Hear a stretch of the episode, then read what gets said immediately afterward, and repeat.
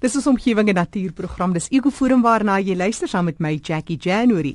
Vandag gesels ek met 'n argitek. Dis Dirk Koetser van Architecture for a Change. En as ek nou dit gesê het, Dirk, dan praat 'n mens onmiddellik en jy sien hierdie pragtige ontwerp. As 'n mens kyk na die omgewing en wonder nou wat het 'n omgewingsprogram te doen met argitektuur, dan is dit nogal 'n belangrike aspek want ons sit met die wesenlike probleem van klimaatsverhitting en daar's verskillende gedagtes of dit al 'n impak of ons dit al sien al dan nie. Warmer gebiede wat droogtes kry gaan droër word. Gebiede waar daar oorstromings voorkom somerreën soos byvoorbeeld hier in die noorde in Gauteng en so meer gaan daar meer oorstromings wees. En dit is juis waar argitektuur en ontwerp 'n baie belangrike rol speel. Vertel ons bietjie hoe sien julle dit alles uitrol en die simbiose daar? Ja Ehm um, wel 'n gebou se proses begin gewoonlik by die ontwerp. Ehm um, en deesdae wat wat ons as argitekte baie tref is die nuwe regulasies wat ehm um, deesdae baie keer 'n ontwerp heeltemal kan oorheers. Wat die nuwe regulasies ehm um, beoog om te beheer is die ehm um, verloor van energie deur jou mure, deur jou vensters. So hulle vereis dat jy deesdae dikker mure moet hê of ehm um, beter geïsoleerde mure, asook jou vensters eerder ehm um, dubbelvensters moet gebruik. So dit sê net maar in die winter as jy 'n uh, klein verwarmertjie of ietsie aan het of jou kaggel dan behou jy gebou daai energie baie beter. As ook sien maar in die somer wat jy dalk nie ehm um, jou jou sonhitte lading te hoog wil hê nie, dan kort jy dalk bietjie beter vensters of dikker mure omdat jy minder ehm um, van jou ligversorging sal gebruik maak. So dit is ehm um, waar die ontwerp begin wat argitekte baie meer probeer doen is om passiewe metodes te gebruik om sommer jou gebou te verkoel of te verhit, sien maar soos um, om eerder 'n betonmuur muur te gebruik wat jou son op sal skyn om eerder jou vertrek warm te maak of eerder um natuurlike ventilasie te gebruik om jou gebou te verkoel in plaas van ligversorgers. Nou as jy nou so praat Dirk, dan wonder ek altyd, is dit regtig sulke nuwe metodes? Jy weet, as 'n mens kyk hoe mense gebou het met klei en sand en al daai goed dik mure, sekere uh, ek kan onthou byvoorbeeld eenvoudige ding soos 'n ronde huisie in die rigtersveld het 'n ja. voordeur en 'n agterdeur ja. en dit alles te doen met die wind en die speling daarvan en die bissies en so meer. So dis baie ou metode, maar dis so 'n bietjie anders as vandag, maar dis eintlik ou konsepte wat terugkom en weer omarm word. Ja, presies. Dit is maar soos as mens die die voorbeeld van 'n grasdak gebruik ja. in ons konteks, ehm um, wat in die uh, as dit droog is, dan is jou jou jou graspalmpies baie of kleiner. Hulle is nie geswel nie sodat ehm um, laat jou gebou toe om half asem te haal en as dit sien maar reën, dan swel daai palmpies en dit maak jou gebou baie meer dig weer. So ja, mens kan baie of ons as ontwerpers kan baie leer van van hoe mense oorspronklik gebou het want dit is hulle het gebou volgens hulle behoeftes Ehm um, en daaruit het hulle argitektuur gegroei. So partykeer gebeur dinge nie meer so deesdae nie. Mense gaan eerder vir jou estetika of so iets en vergeet bietjie of ek dink dit is hoe het, hoe dit gebeur het en nou die nuwe regulasies volgens my is dit 'n baie dis eintlik 'n goeie ding want dit forceer ons om bietjie weer terug te gaan en te dink hoe ons dinge doen.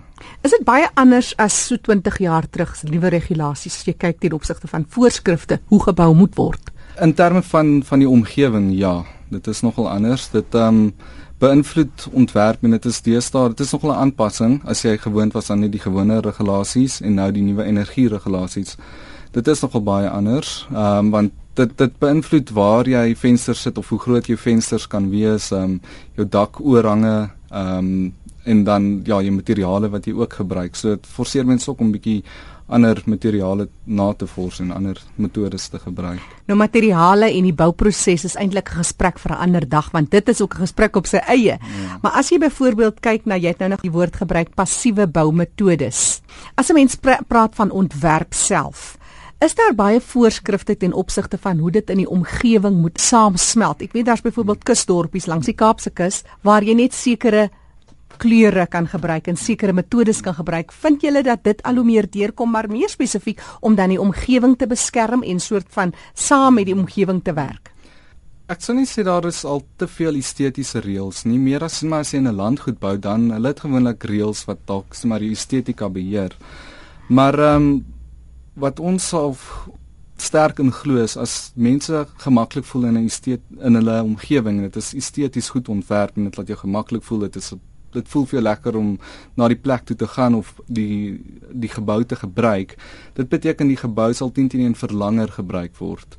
Ehm um, wat ek glo 'n groot ehm um, wat glad nie omgewingsvriendelik is nie is as 'n gebou nie meer gebruik word nie of minder gebruik word want dan het al daai energie en ontwerptyd gevat om 'n gebou op te rig maar dan word hy nie gebruik nie dan word hy gesloop uiteindelik. So dit is hoekom dit vir ons nogal 'n belangrike punt is om estetika so ver as moontlik te druk dat dat en dat dit by jou gebruiker pas. Dit help nie ontwerp iets wat glad my verbruiker pas nie want hy sal dit dan nie meer gebruik uiteindelik nie. Nou Dirk as jy praat van byvoorbeeld ontwikkelings en ek dink nou aan iets soos 'n landgoedontwikkeling. Baie keer dan kyk 'n mens en dan dink jy, hoe kan mense hierdie deel van die omgewing ook nog benut hmm. vir behuising? In Gauteng byvoorbeeld, ons het 'n baie klein provinsie en dit brei net uit nog meer en meer. Maar as 'n mens kyk na omgewingsimpakstudies en goed, Hoe vind julle as argitekte dat julle het julle ook 'n sê in die rol daarvan of is dit maar geld wat praat? Want partykeer dink ek, maar dit dis vir my al die elemente van 'n vlei land omgewing byvoorbeeld. En dan word daar tog nog ontwikkeling hmm. net verder en verder gedoen. Hmm. Ja, ek ek dink in ons um, omgewing is dit nog 'n groot probleem want uh soos jy sê baie keer is dit die geld wat praat en dit is um die ontwikkelaars wat eintlik die die hele proses beheer, nie eintlik jou ontwerpspan soos jou ingenieurs en argitekte nie, dis die ontwikkelaar wat die grootste sê want hy het die meeste geld op die projek en hy's eintlik jou hy's eintlik die kliënt. Um en dan baie keer ja, gebeur daar dinge wat nie moet gebeur nie. Soos ek dink op die oomblik daar in die Wesrand se kant groot bekleierery waar hulle 'n stuk grond wil ontwikkel, maar die um omgewingsimpak toetse sê hulle mag nie, maar dit gaan teen teen gebeur. Uh, as 'n mens aangaan met sulke goeters, het jy al 'n geval gehad waar daar weet ons het nou die dag 'n aardbewing in, in Johannesburg gevoel waar daar geboue net in een stort of word dit maar half onder die mat ingevee of wat sê jy? Ehm um, gelukkig nog nie daar nog nie iets met onsself gebeur nie, maar ehm um, ons het al al in ek meen onlangs in Tongaat in Durban waar daai gebou om of die winkelsentrum in mekaar geval het waar hulle nie goedgekeurde planne gehad het nie dit is die die tipiese voorbeeld waar jou ontwikkelaar 10 teen 1 ehm um, die proses uh, gedryf het en ehm um, op sekere tye wou klaar wees as vol van finansiële redes maar dit beteken die ontwerp gebeur nie so goed nie en ehm um, dit op, jou impak op die omgewing in in maar so geval is dat daai daai daai terrein ehm um, hulle mag dalk nie eens daar gebou het nie. Dit het dalk een of ander toekomstige funksie gehad vir die omgewing en daar is daar's baie baie implikasies as jy bou sonder bouplanne want sien maar jou stadsbeplanner weet jy mag nie daar bou nie vir 'n sekere rede om die omgewing te beskerm en dan sal 'n groot ontwikkelaar net bou en Ja, so dit het baie groter implikasies wat mense baie keer dink. Dirk Koetser wat vandag gesels, hy's 'n argitek. Dirk, so ter afsluiting, wat sê jy vandag vir ons? Maak nie saak of jy 'n groot ontwikkelaar is en of dit nou planne by die huis is nie, maak maar seker dat jy binne die wetgewing bly. Ja, dit help altyd baie. Mense wil nie in die moeilikheid kom nie. Ehm um, ons sê altyd Dit is oukei okay om sonder planne te bou totdat daar moeilikheid kom want dan begin mense vingers te wys. Ja, ek moet sê baie van ons maak ons skuldig daaraan omdat partykeer die prosesse in die in daai vat te lank of wat dit ook al is en jy wil net iets doen en jy voel dis net 'n pilaar hier en daar en as jy weer sien dat iemand 'n hele woonstel sommer 'n dubbel verdieping daarop gesit ja. en dit gebeur. Ja, dit gebeur, ja. Ja nee, daar is definitief um, goeie redes hoekom daar reëls en regulasies is in die boubedryf um, want dit is 'n bedryf waar mens lewens kan verloor baie maklik, nie net jou omgewing verloor nie. Dis Dirk Koetser wat vandag gesels het hier in Ekoforum. Hy's een van die stigterslede van Architecture for a Change.